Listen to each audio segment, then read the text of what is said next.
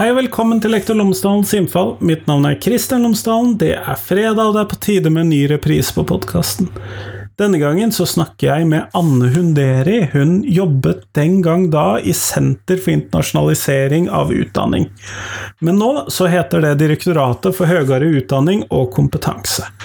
Sånn at det er på det rene. Jeg mistenker at hun jobber der ennå, men dette intervjuet du skal få høre, det er fra 2018, så for alt jeg vet så kan det ha endret seg.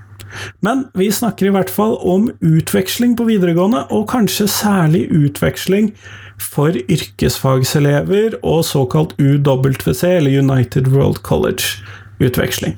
Sånn at det er det denne episoden handler om. Og jeg må si, selv om jeg har ganske mye erfaring med utveksling, så lærte jeg noe i løpet av den samtalen. Til min store overraskelse. Eh, det er ikke alltid jeg forventer å lære noe. Noen ganger gjør jeg det, andre ganger ikke. Så alltid spennende. Ellers, podkasten er som alltid sponset av Fagbokforlaget, og Fagbokforlaget utgir bøker og digitale læremidler for hele utdanningsløpet.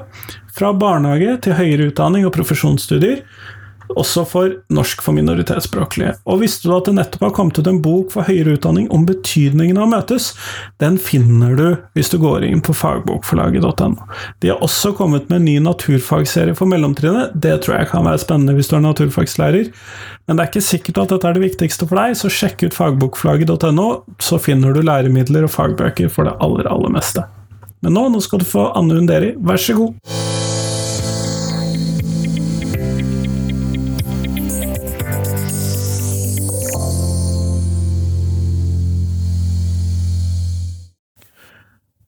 Tusen takk for at jeg har fått lov til å komme og besøke deg her eh, på SIU, Anne Hunderi. Ja, takk for at du kom. Eh, før vi starter med selve intervjuet, kunne du ha fortalt lytterne mine tre ting om deg selv, sånn for å bli kjent med deg? Ja. Uh, ja. Jeg heter da Anne Hundre og jobber på Senter for internasjonalisering av utdanning, så et veldig langt navn. Det Vi forkorter til SIU. Um, ja, skal si noe om sjøl mer, så er jeg da i tillegg til å jobbe her, så uh, er jeg ivrig hobbygardsbruker og pensjonatvertinne, blant annet. det er jo ikke mange jeg treffer som sier nei, det. Nei, sikkert ikke. Det går veldig greit sammen, da. Jeg liker å gjøre eh, masse forskjellige ting. Um, og så har jeg jobbet med næringsutvikling og entreprenørskap og de tingene før, så jeg har nok eh, dratt det inn i, i livet mitt, da. Um, det store spørsmålet for meg det er nå, det er ikke jul, men det er rett og slett jeg prøver å lese meg opp på hunder. For jeg har lyst til å få meg hund til sommeren. Og det er en mye større oppgave enn jeg hadde trodd, da. Så det er det jeg sliter med akkurat nå. Ikke julestriden, men hundestriden. Og det krever vel mer forberedelse enn jula òg, vil jeg tro? Ja, det har jeg forstått etter kort. Jeg var ikke klar over at eh, det var omtrent som å få en baby. Eh, sies det, da. Så vi får se hvordan det utvikler seg. Så jeg har en sånn tre på topp-liste som stadig endrer seg. Det her var en, det er en uh, liten utfordring, da. Men det er, det er litt gøy og litt frustrerende. det aner meg at disse hundene var av den store sorten, siden, eh, siden du sa du var hobbygardsbruker. Ja, det kan eh, Jeg skal ikke dra noen plog eller noe uh, sånne ting, men eh, det er jo et sånn typisk dilemma som kommer opp i det folk sier, men bør kanskje ikke ha en sånn stor hund. Mens jeg har aldri tenkt på at det er et noe problem. Men så er det med bil og andre ting, da. Også noen snakker om pels og lukt og ikke lukt og alt det. Så det er, veldig, det er mye som skal på plass før en bestemmer seg. Gemytt er selvfølgelig det viktigste, tenker jeg da. Jeg hører at det er en del ting jeg må lese meg opp på før jeg oppfyller min datters ønske om en Leonberger, i hvert fall. I alle fall det. Men de er ganske visstnok veldig fine inne. De er ikke så, de er store, men de er rolige. Så veit du det. hvis du får det hund. Men hvis vi skal starte med selve intervjuet. Hva er SIU, eller Senter for internasjonalisering av utdanning? Du har helt rett, det var, det var en munnfull. Ja, det er det. Um, før var det faktisk enda lengre navn, for da heter det Senter for internasjonalisering av høyere utdanning. Uh, men nå har vi da hele utdanningsløpet fra barnehage og til universitet, under vår paraply, da. Um, vi er et uh, Vi har veldig mange program. Vi har over 50 forskjellige utdanningsprogram. Og de er fra veldig bitte små til at vi har da Erasmus pluss, som er det verdens største utdanningsprogram. Som vi da har i forhold til at vi har en EØS-avtale, og vi har på en måte kjøpt oss inn og får noe tilbake i det, da. Og det er vel, vel fem millioner som har vært innom det programmet i Europa i løpet av de siste 30 årene, da. Så det er veldig stort. Arbeidsplassen min er en av disse. Ja, sant. Det, det, jeg møter veldig mange, men det kunne også vært enda flere som eh, deltok. Har du vært sjøl på Nei, Nei. Har, det er eh, norsk og realfag, tror jeg, som stort sett har vært. Ja, for det er åpent for eh, alle yrkesfag og studieforberedende og barnehager og alt, så det er store muligheter. Så gøy. Ja, det er det. Det bør man nesten vurdere å se mer på. Eh, Men du sa det at dere driver programmer helt fra barnehagen av, og det Mm. hadde jeg egentlig ikke tenkt å snakke om, men fins det faktisk utvekslingsprogrammer eller sånne ting for barnehage også? Det, det, det fins, men eh, eh, ofte er det ikke barnehageungene som reiser, men det er de som er barnehagelærere. Eh, assistenter. Ja, sant. For, men eh, da Vi har masse gode prosjekt på det. Fjell kommune har vært veldig opptatt med, med utveksling, men det er da deres barnehagelærere. Så eh, det fungerer faktisk kjempebra. For det barnehager altså de som kommer, Det går jo begge veier, så det er mange som kommer til Norge og får se hvordan vi har det her. Og det som er den store overraskelsen for de, det er egentlig mest det at eh, i norske barnehager så leker en veldig mye i naturen. Og jeg tror det er mange som Mye gris og møkk og ja, det er det, men òg faktisk eh, med altså, ting som de vil eh, anse så farlig. Altså å gå tur, eh, bygge ting. Noen har friluftsbarnehage der du bruker kniv. Det er jo totalt uh, utafor deres bekvemmelighetssone, da. Um, men det er vel kanskje det de tar mest inn, det at det er mye leik i norsk skole, og kanskje litt veldig fritt. Eh, og så er det nok òg mindre undervisning enn det mange er vant med fra andre europeiske land. da. Det gir jo viktige refleksjoner på ja, hva, som går litt dypere i forhold til hva en ønsker å få ut av en, en barnehage. Sant? Og kanskje i andre land så er det mer fokus på skole og ambisjoner å komme seg videre osv. Så, så det, ja, det lærer en mye av, bare med å være ute og få folk inn òg, for den del. Nei, jeg må si du overrasket meg veldig i løpet av de første fem minuttene her allerede, for det visste jeg ikke. Eh, Nei.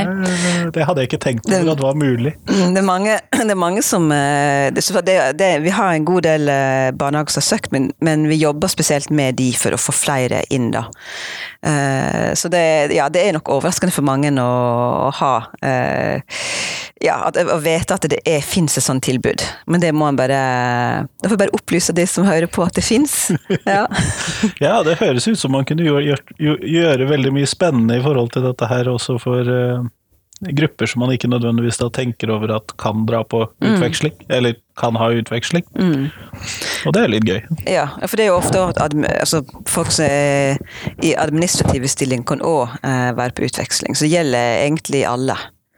Og nå har vi fått eh, til og med disse på studiespesialiserende, de har hatt eh, Det er jo som regel de her mer kommersielle aktørene som er inne, og de har, da har elevene privat kanskje et eh, år på skole i USA eller Australia, hva det måtte være. Eh, Men nå har vi òg fått til litt bedre utvekslingsmuligheter for de som er elever da, på studiespesialiserende. På yrkesfag er det faktisk veldig bra for de som er lærlinger og elever. Det må vi nesten snakke mer om, Ja. for det visste jeg ikke. Ja, det synes jeg ikke Det, det jeg jobber en god del med, det er jo yrkesfag. Um, og der er det mulig å være ute i opptil ett år for de som er lærlinger, og eh, spesielt de, da, men òg elever. Um, Men og da er du ute hos bedrifter i andre land, eller eh, på skoler? det, ja. ja, det kan være begge deler.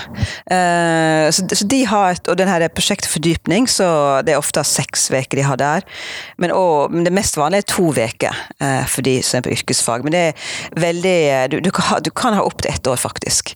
Og da kan det være bedrifter. Og de uh, har vi veldig Det er vel ca. 900 kortår som reiser ut fra Norge, og det er et høyt tall, faktisk. Så det tangerer ikke de som er studenter på, uh, Nei, nei, utdanning, men- men det du er tenker på det faktisk at de er, de er ganske unge, da, de som reiser ut. Uh, og kanskje de føler at de ikke har spesielt gode engelskkunnskaper osv. Så, videre, så så er det gull verdt det, altså, for de.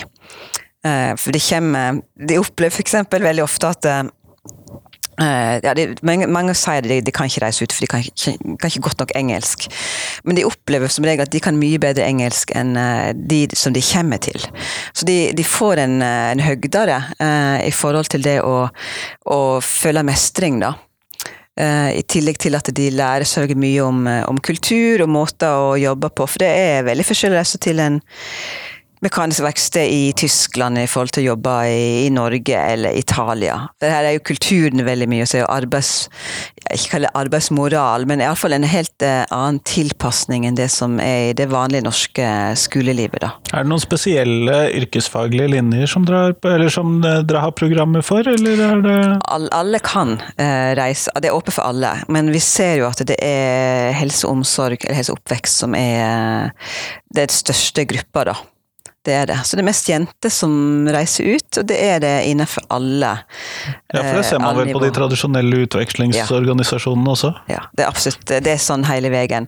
Så der, eh, Vi skal ta en sånn brukerundersøkelse og finne ut litt mer om hvorfor det er sånn. Eh, men eh, ofte kjenner Altså, gutter kan vel ha en tendens til å være mer søkende på et eller annet vis, eller de har det greit som de har det. Men vi ser det gjennomgående på alle nivå at det her er det jenter og kvinner da, som reiser, reiser ut. Altså. Ja, for på et eller annet tidspunkt her så skifter de over til å være kvinner. ja, det gjør det.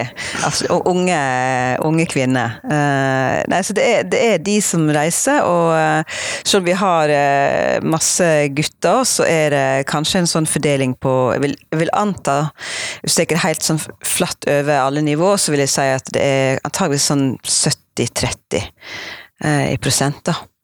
Så her har vi litt å gå på. Så vi må finne ut eh, hva som kan gjøre at eh, flere gutter har lyst til å reise ut. Rett og slett. Mm, jeg kjenner meg igjen i det 70-30-tallet. Min bakgrunn er fra AFS som mm. utvekslingsstudent. På studiespesialiserende ja utenom å dra, mm. ta friår, selvfølgelig. Ja. Eh, en gang i tiden, for lenge siden. Ja. Eh, men jeg kjenner igjen tallene fra søkere og mm. sånn totalt sett, så det overrasker meg ikke. Men du sier altså at disse yrkesfaglige elevene kan som en del av da eh, yrkesfaglig fordypningsfaget, eller som en del av læretiden, være i eh, Fra relativt korte opphold i utlandet mm. til å ta et ganske langt opphold i uken. Ja. Men hvem er det som da finansierer det oppholdet ute? Det er vi som gjør det. Altså det er slik at uh, en kan ikke søke Vi har noen uh, program, få program som vi rekrutterer direkte. Det er franske lyceer, det er United for Colleges uh, og et par til, så enda mindre program. Det er direkte rekruttering. Men den vanlige måten er at barnehager og skoler søker direkte til oss for sine elever, lærlinger osv. Og, så og lærere. lærere. Så um, ja, så det, det, er den måten vi jobber på. Da, I forhold til hvem som betaler, så får en da eh, lånekassepenger, og så får han stipend av oss. Og jeg tror noen har Vi har gjort eh, undersøkelser på det her, og vi har den beste eh, beste altså studiestøtten i hele Europa. Ja, det overrasker meg jo ikke. Nei, sant? sånn er det å være eh, norsk i Norge. Det er, vi har det veldig godt, og vi, derfor er det store muligheter. For det er mange som reiser ut, de, de, har ikke de gode ordningene som vi har. Altså. Så det er ikke, økonomien er iallfall ikke en grunn til å ikke å velge å reise ut. Så det, det fungerer kjempebra. Og det går av seg sjøl òg, i forhold til at eh, skolen får utbetalt penger eh, fra oss. og Alt, alt blir bare ordna fint, og veldig mange skoler har gode ja, kan kalle introduksjonsprogram der de får språkkurs, og de lærer litt om, eh, om kulturen de skal reise til, osv. Så, videre. så det, er, det skulle ikke være noe farlig å reise ut, sånn som eh, jeg ser det da. Det hørtes ut som uh, Det er i hvert fall et program jeg aldri har hørt om før. Mm. Uh, og det gjør det jo selvfølgelig uh, fint at hvis man kan klare Hvis jeg kan klare å bruke podkasten til å spre litt informasjon om det, for jeg har jo aldri Som yrkesfaglærer selv, ja, så, så, er jo det spennende å ja. tenke på, i hvert fall muligheten. men det er jo interessant. Men du har også snakket om at dere har Fordi at, at dere har da flere programmer eller bedre programmer mm. for de elevene på de studiespesialiserende linjene? Ja, fordi uh, vi har jo de uh, litt mindre programmene som er litt mer spesialisert, som er United World Colleges og de franske lyseene. Der har vi 100-årsjubileum i neste år. Det betyr at vi, det har vært norske elever på franske videregående skoler i, i 100 år. Så det er en veldig lang tradisjon. Det er en god tradisjon. Ja, det er det. Men vi sliter jo veldig med å rekruttere um, elever til ikke-engelske skoler, da. Uh, så både Vi har også tyske program. Uh, for yrkes, uh, yrkesfag har et eget program. Uh, er kjempebra til Tyskland. Eh, men, men uh, norske ungdommer velger vekk uh, tysk og fransk veldig mye. Så det er en viss, jeg tror det er en viss økning nå på tysk. Um, så det, det, er jo litt, litt, dumt, da. Men vi må på en måte bare jobbe for at de kan velger det og vet om at, uh, om at det finnes. Da. Og spesielt at det, som sagt, yrkesfag eh, har veldig gode uh, tilbud allerede. Som jeg nevnte nå, gjør det som er mot Tyskland, og så har vi Erasmus pluss-programmet som går generelt mot alle yrkesfag. Eh, men for de som er på studiespesialiserende, så um, har det vært ofte som en del av uh, større sånn samarbeidsprosjekt som kanskje lærere er involvert i, der du sjekker ut kanskje nye metoder. Og da, da, da, kan elevene få komme seg ut litt og, reise og oppleve nye land og kulturer. Men det er et lite omfang. Men fra i neste år så har vi har introdusert eh, noen enklere program for de som er på eh, studiespesialiserende, der det er utveksling som er og Vi kaller det for fint da, mobilitet, som er fokus. um, så de har, de eh, har nå eh, mye, Det er mye enklere for skolene å søke for elevene sine. Så det må jeg bare oppfordre de som hører på, at de kan undersøke den sak. For det er en, en god måte å komme inn i programmet på, da. Det er det. Eh, sånn, det forenkler rett og slett søknad òg. Ja, det kan jo være en fordel. Mm. Eh, hvordan er eh, utvekslingstallene på videregående? Ser, dere, ser dere noen tendenser? Går det opp, går det ned? Blir det Det er, det er noe ganske jevnt. Og vi, vi har jo Vi godkjenner òg, sånn som AFS, de som driver med utvekslingsprogram, som kommersielle aktører, da. For de må oppfylle en del kvalitetskrav. og Det har jo vært litt eh, oppslag i avisene, det var vel et ett og et halvt år siden, med noen som hadde hatt eh, litt uheldige erfaringer òg med å være ute. Ja, det husker jeg. Um, ja, så det var ikke noe, var ikke noe greit. Uh, men vi har en, en, sånn stor Det var en stor brukerundersøkelse blant elever, så det var ett og et halvt år siden. Uh, og altså 95% av de som har vært ute, de anbefaler til andre. Så det er et veldig, veldig høyt tall. Um, sånn at eh, det, er, det, fungerer bra for de fleste. Og der det ikke fungerer, er det som regel at det er en dårlig match med vertsfamilie. Uh, ikke, det, det, fungerer uansett ikke. Og det er nesten kanskje helt umulig med de 5 det, at det skal bli 100 at folk er kjempefornøyd. Men, det, men som regel så handler det om at det er en dårlig vertsfamilie som ikke tilfredsstiller de kravene som eh, de skal gjøre å ha, da. Så, så det Som sagt, så, så er det men, men, igjen, da så på, eh, på de som reiste ut, så er det, det er jenter fra, eh, fra, fra bemidla familier, og der foreldre enten har vært på utveksling sjøl, eller har um, ja, har iallfall ja, har høy utdanning, da. Eh, det er de to, eh, eller tre tingene som er gjennomgående for de vi ser. Og da har vi sett da på både våre egne program, men òg på de kommersielle aktørene. Um, sier, Relativt snever gruppe, da. Ja, på mange måter så er det det. Og det er jo på en måte iallfall mitt hjertebarn at, at det her skal være et program for, for alle. Men det går jo veldig mye på på rollemodeller, ikke sant. At det er lettere selvfølgelig når du ser folk rundt deg, at de gjør og så tenker jeg, da kan jeg gjøre det òg. ikke sant. Jeg jobber ikke bare med yrkesfag, men jobber òg med United World Colleges, som er et veldig flott program der det er ja, sånn mini-FN, der eh, elever tar det da på studiespesialiserende, de tar VG2 og 3 eh, ute. Eh, på, det er 17 forskjellige skoler i hele verden, og der det er i gjennomsnitt 90 nasjonaliteter som eh, er. Og de rekrutterer vi eh, direkte, men det ser vi òg at eh, de fleste, når vi spør de hvor de får høre om eh, UWC, så er det gjennom venner, det er gjennom eh, familie som har vært skjoldet. Eh, det er kanskje arbeidskollegaer til mamma eller pappa. Eh, så vi ser det veldig tydelig at, at den helt personlige erfaringen en har, gjør at du velger å reise ut. Så det, det er noen ting som jeg tenker det ikke bør være. Det skal være et tilbud for alle. Så det, det, jobber vi med å få opp informasjon som kan være relevant for de som, er, som ikke har eh, den bakgrunnen, verken økonomisk eller si, utdanningsmessig. Eh, for det skal, ja, det skal være for alle. Mm.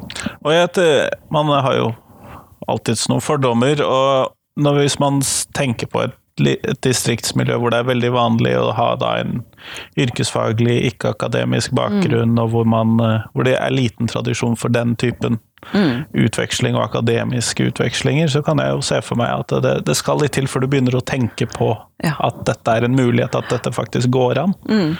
Og da er det jo positivt med at dere da har en tydeligvis en del sånne mm. yrkesfaglige programmer som ja. videregående skolen i hvert fall kan mm. benytte seg av. og peke ut for elevene. Ja, og, de, og de, eh, for yrkesfag så er, det, så er jo faktisk tallet ganske høye.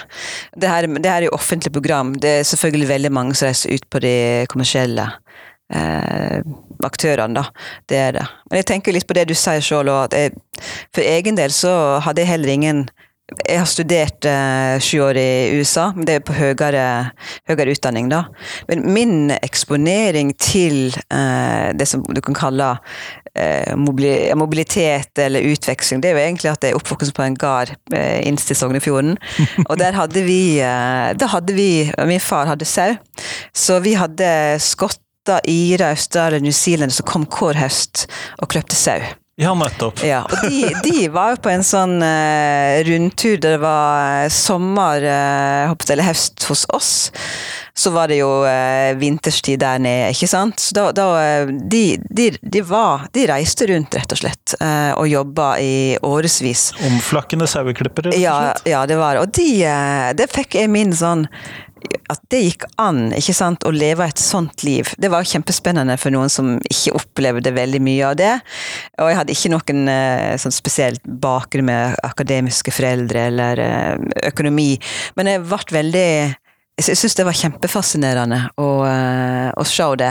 Så det, det, det tror jeg nok bidro til at jeg sjøl ble veldig sånn opptatt av det som var utafor.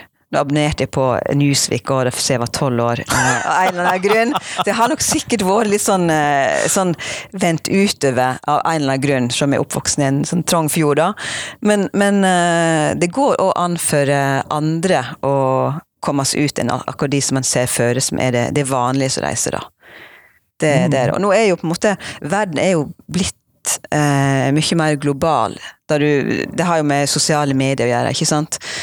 Kan, vi hadde jo NRK, eh, den eneste kanalen. Og det, er jo smalt hvor du får, får servert da for ja, 40 år siden. Eh, men for de som er ute nå, så får du verden inn. Eh, så det skulle jo spore til at det å, bevege seg eh, fysisk ut er veldig spennende. Oppleve det på kroppen, da, tenker jeg. Det, men vi opplevde da jeg, da jeg også intervjuet de her 17-åringene som skal søke på eh, United World College, så har jeg opplevd eh, ungdom som kanskje snakker bedre engelsk enn norsk, nesten. Og det er fordi de har vært De, de har det her spillsamfunnet der de kommuniserer på, eh, på data. Og de er kjempeoppdatert på ja, russisk politikk, for eksempel. Ikke sant? For de har de der Jeg eh, håper jeg eh, det, det er jo ja, det er internasjonalisering, det jo på eh, ja, gutter mest, da, på gutterommet. Eh, og de får veldig mye ut av det. Eh, og det er òg en, en, en, form for internasjonalisering, da. Eh, så jeg syns det er fin. Eh, men det er ikke det samme som å være ute og bli totalt inne i en, eh, en annen kultur. For det er jo det som er kjempefint. Og da må jeg òg legge til det som jeg ikke var klar over sjøl da jeg har vært ute, men det er jo at de som er ute, de de får jo en, en eh, innsyn i en annen land, et annet kultur og et annet språk. Men eh, jeg tror refleksjonen fra å være ute til å komme tilbake til Norge, så kan du se Norge på, eh, på en helt annen måte enn du gjør eh, da du, er, da du Det er en del selvfølgeligheter som eh, Ja, og det er en del praksis som du tenker som du tar for gitt. Eh, som du får en skikkelig aha-opplevelse og kommer tilbake. Eh, og det er kjempemange historier om ja, eh, eksempel i, eh, helse og oppvekst der de har ja, vært unge jenter som har vært eh, kanskje en måned, to måneder i Hellas, der de har veldig lite tekniske hjelpemiddel. Veldig få som, eh, som jobber, for de har ikke den økonomien som vi har i Norge. Eh, der de ser at det faktisk eh, fungerer likevel, uten de her tekniske hjelpemidlene, uten at det er veldig mange. Og da, ja, for eksempel at de, eh, de eldre, de som er litt mer oppegående, de hjelper de andre med å spise. Sant? De er med og lager mat, de er involvert på en helt annen måte. og det, det gjør at du slipper å ha flere tilsatte, men det betyr òg at de som er pasienter der, og eh, beboere, de holder seg også friske litt lenger, fordi at de, De blir aktivisert. De blir aktivisert på en, en, en god måte. Og da å komme tilbake til Norge og, og så se at uh, vi har uh, de mulighetene vi har, og kanskje ikke nytte oss av det, det er en skikkelig øyeåpner for, for mange. Da. og Det har de reflektert veldig på. Og de sier de, de skal aldri, aldri klage. For de ser, ser faktisk mulighetene vi har, og det er veldig bra. Så, så det å flytte seg ut av den eh, komfortsonen og det som er vanlig, eh, gjør at du kan reflektere på din egen praksis. Så det også tror jeg er en veldig fin eh, Kall det bieffekter, resultat av eh, å være ute, som en ikke ser så tydelig. Og vi trenger jo alltid også å reflektere rundt egen praksis. Det er jo Mm. noe av målsetningen med podkasten min sånn i, Ja, ja, i det store skoleløpet. ja. Eh, at jeg skal lære noe. ja. Eh, men hvis vi da ser på disse programmene, er det noen utfordringer vi ser i forhold til for disse som da reiser ut på yrkesfag på videregående? Eh, det er jo egentlig ikke det. Eh, det som er viktig, er jo at en, en eh, skolen som, som sender de ut, at de har en god intro på det, sånn at de får vite litt om hvor de skal, hvem de skal jobbe med, hva som er forventningene. De lærer litt språk, hvis det er et annet språk enn engelsk. Eh, så er de godt forberedt. Og der, der eh, vi har eh, ganske mange Fra fylkeskommunen som har noe som heter charter, der de er forhåndsgodkjent. Og de har veldig gode måter å legge opp løpet på, da, for de som skal ut. Og som regel så er jo det her De de samarbeider om det er skole eller bedrifter, de, de har de samarbeidet med gjennom mange år. Sånn at de er godt forberedt. Det er jo jeg synes veldig bra, som mange praktiserer. Det, det her går jo litt på den rekrutteringen som vi snakka om. Eh, det er at de eh, de som reiser ut, må ikke nødvendigvis ha toppkarakterer, og men det som er viktig, det er at de, de, de møter opp i skolehverdagen sin, at de er interessert. Um, og det er egentlig det som de har satt som eh, et og De de må skrive et motivasjonsbrev og sånne ting. Men de er motivert, at de møter opp, det er faktisk det som er, er grunnlaget for å velge de ut. Så der, og, og, men det her er jo da i offentlig skole, sant. Igjen når du har de kommersielle, så er det som regel at du skal kunne betale for det. Men her er det ingen egenandel. Alt er finansiert av, kall det staten, da. Ja. Og EU. Mm. Gjennom flere budsjetter. Ja, det er det. Sånn at det, det er ikke noen hindring for uh, folk til å komme seg ut, da. Nettopp. Mm. Uh, ja, for man må jo være motivert. Du kan jo ikke bli sendt til si, Portugal, og så skal du uh, Så må mor ringe og vekke dem om morgenen og Det er helt riktig. Det, og, men de, de fleste har da med seg eh, en lærer første etter to uker, alt etter hvor lenge du er.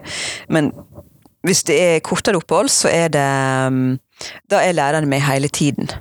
Det, men er det lengre, så eh, må de klare seg alene litt grann, på slutten.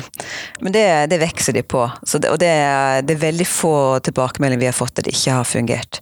Og skulle det ikke fungere, så går det an å, å reise hjem igjen. Men uh, som regel så er det veldig bra gjennomføring på det. Og de som vi snakker med, de sier at uh, for de som er litt i det med, å, ja, med forhold til frafallsproblematikken, da, så sier det at de mener at de som har vært på sånne opphold, de eh, høgder den muligheten for å komme seg gjennom utdanningsløpet ganske mange prosent.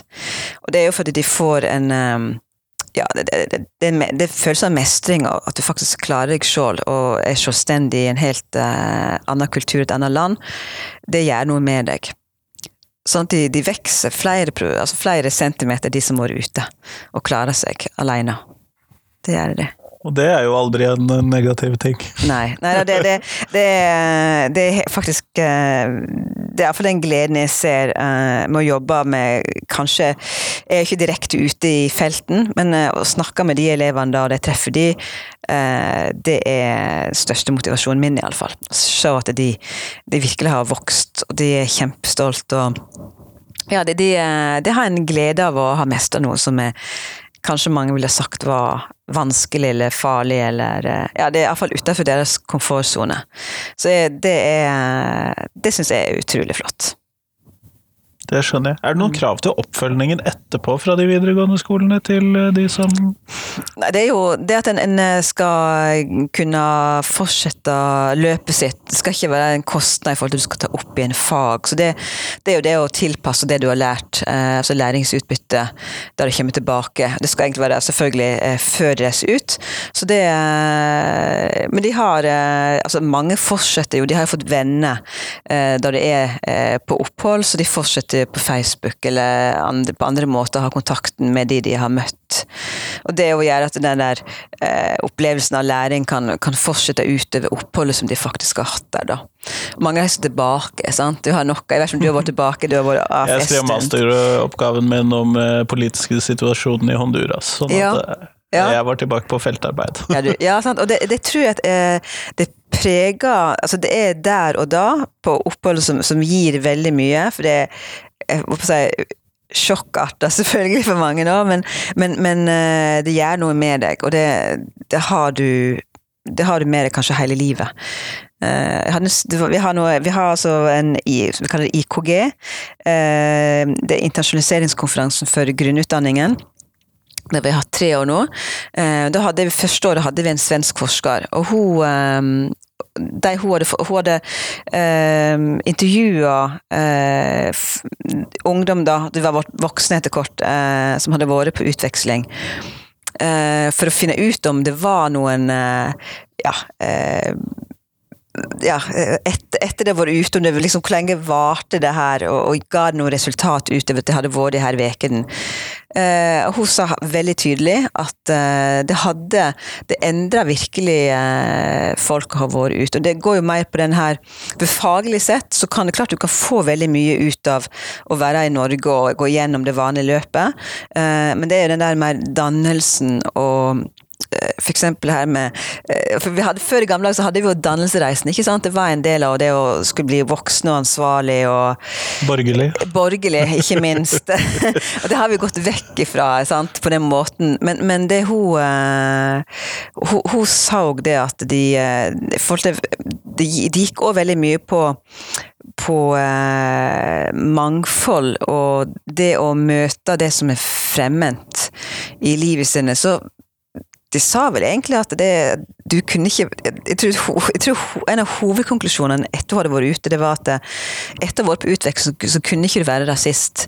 Det, det sa hun. Um, så jeg husker veldig godt da. Uh, sånn at det har noe mer enn effekt utover det å være uh, og få det faglige påfyllet som gjør noe med deg som menneske å være ute. Blir rett og slett kjent med noe annet enn alt det du er vant til hjemmefra? Ja, du blir, du blir kjent med deg sjøl. Det er tror jeg er viktig å ta med seg på, et annet vis. Det vil selvfølgelig den, uh, den effekten vil jo være enda større lenger du er ute, men, men en ser òg av, av, den undersøkelsen vi gjorde, det at de som har vært ute en gang, de uh, reiser fort ut igjen. Det er selvfølgelig ofte de som er på uh, som da tar høyere utdanning etterpå. Og da reiser på utveksling hver eneste gang de kan. De får muligheten, sant? og da er jo Erasmus pluss, ikke sant, eh, en god eh, For det er det veldig mange som er ute på der de tar bachelor eller masteren sin. Det er ganske høye tall der. Eh, men, men det òg i forhold til det med å ha en internasjonal tilværelse, at du ser at det er et jobbmarked òg der ute. Hvis du vil gjøre noe helt spesielt, så Reiser du kanskje til London for å ta designerutdanning, eller skal du bli kjempeflink på et eller annet Frankrike med økonomi, masteren sin. Altså det er eh, USA som ligger langt framme på mange ting. Så får du en sånn spore til at du ser at ja, det er mulig for meg å, å gjøre ting på en annen måte. Så da kan jeg velge det. Så, men igjen, da, sånn, da kan det bli en forskjell på de som har fått muligheten til å reise ut. Og da må Det- man sørge for at den er hva skal vi kalle det, demokratisk tilgjengelig. Ja, det, det, ja, det er veldig, veldig viktig. Eh, Når vi nå skal ta oss og runde av podkasten, så har jeg selvfølgelig det siste spørsmålet mitt, som jeg gir til alle. Og det er hva ville du gjort hvis du var norsk skolediktator? Altså hvis du fikk muligheten til å forandre noe i norsk skole og hadde fritt mandat og fritt budsjett. Ja, og Det er så vanskelig spørsmål, for det er, jeg har litt problemer med diktatortittelen. nå. Mange har det. Eh, Ja, det, det skjønner jeg godt. Ja, hvis du har, jeg, tror at eh, mye er, har ikke bare med penger og de ting å gjøre heller. Men jeg, for, for min del eh, så jeg jobber mye med yrkesfag, eh, og jeg ser at altså utdanning er jo på et vis, iallfall i det samfunnet vi lever i nå, så utdanning er veien videre for veldig mange. Det er ikke så lett å få seg jobb uten utdanning, som det, det er muligheter der òg, men, men for meg så ville det viktigste være å lage en skole som gjorde at alle fikk brukt sine eh, Ja, rett og slett sine eh, Skal vi kalle det talenter? talenter, muligheter Ja, talenter. Eh, godt ord. Um, og ikke felle fra. For vi har en, iallfall i forhold til yrkesfag, så er, nå går vi gjennom yrkesfaget, og det er vel ferdig til jul, tror jeg, med å lage en ny struktur, eller forslag til struktur. Ja. Så det er jeg veldig spent på, men, men eh, jeg tenker vel kanskje at eh, yrkesskole er blitt veldig eh, ja, teoretisk, da, eh, og at vi må passe på alle de som ikke er så teoretiske òg. Sånn, jeg ville jo Jeg ville nok ha laga løp som var mer praktiske for de som velger yrkesfag. Helt sånn spesifikt Jeg sleit vel kanskje ikke så mye med matte, men jeg tenker jo at eksempel matteundervisning, at en burde ha hatt forskjellige løp. For jeg, jeg tenker at eh, funksjoner og sånne ting eh, i, i mitt liv har ikke vært veldig viktig. Eh, og for de som er på yrkesfag, at du skal lære kanskje ting som ikke er så viktig eh, for deg. Du skal lære grunnleggende, eh, men at eh, en eh, jeg, har, jeg tror jeg leste at eh, 60-70% av alle altså alle nordmenn, voksne nordmenn, de har, de har matteskrekk. Og sånn skal ikke det være. Men at vi, vi skal lære oss å håndtere budsjett skikkelig, og all den basicen, det, det må vi bare få til. Men å, å lære masse ting som du egentlig ikke trenger etterpå, det tenker jeg kanskje ikke så nødvendig.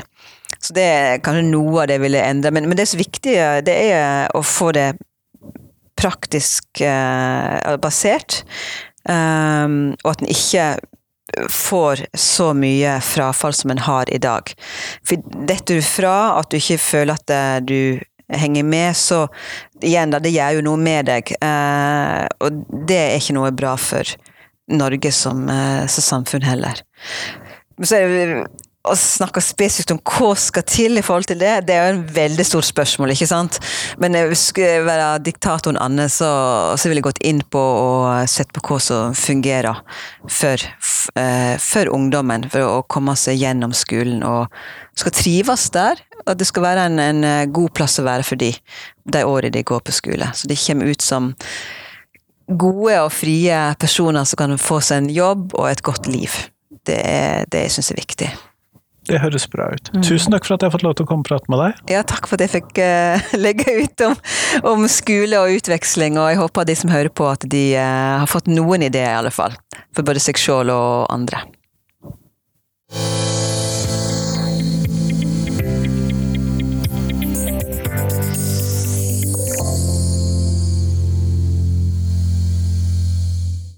Tusen takk til Anne, og tusen takk til deg som hørte på.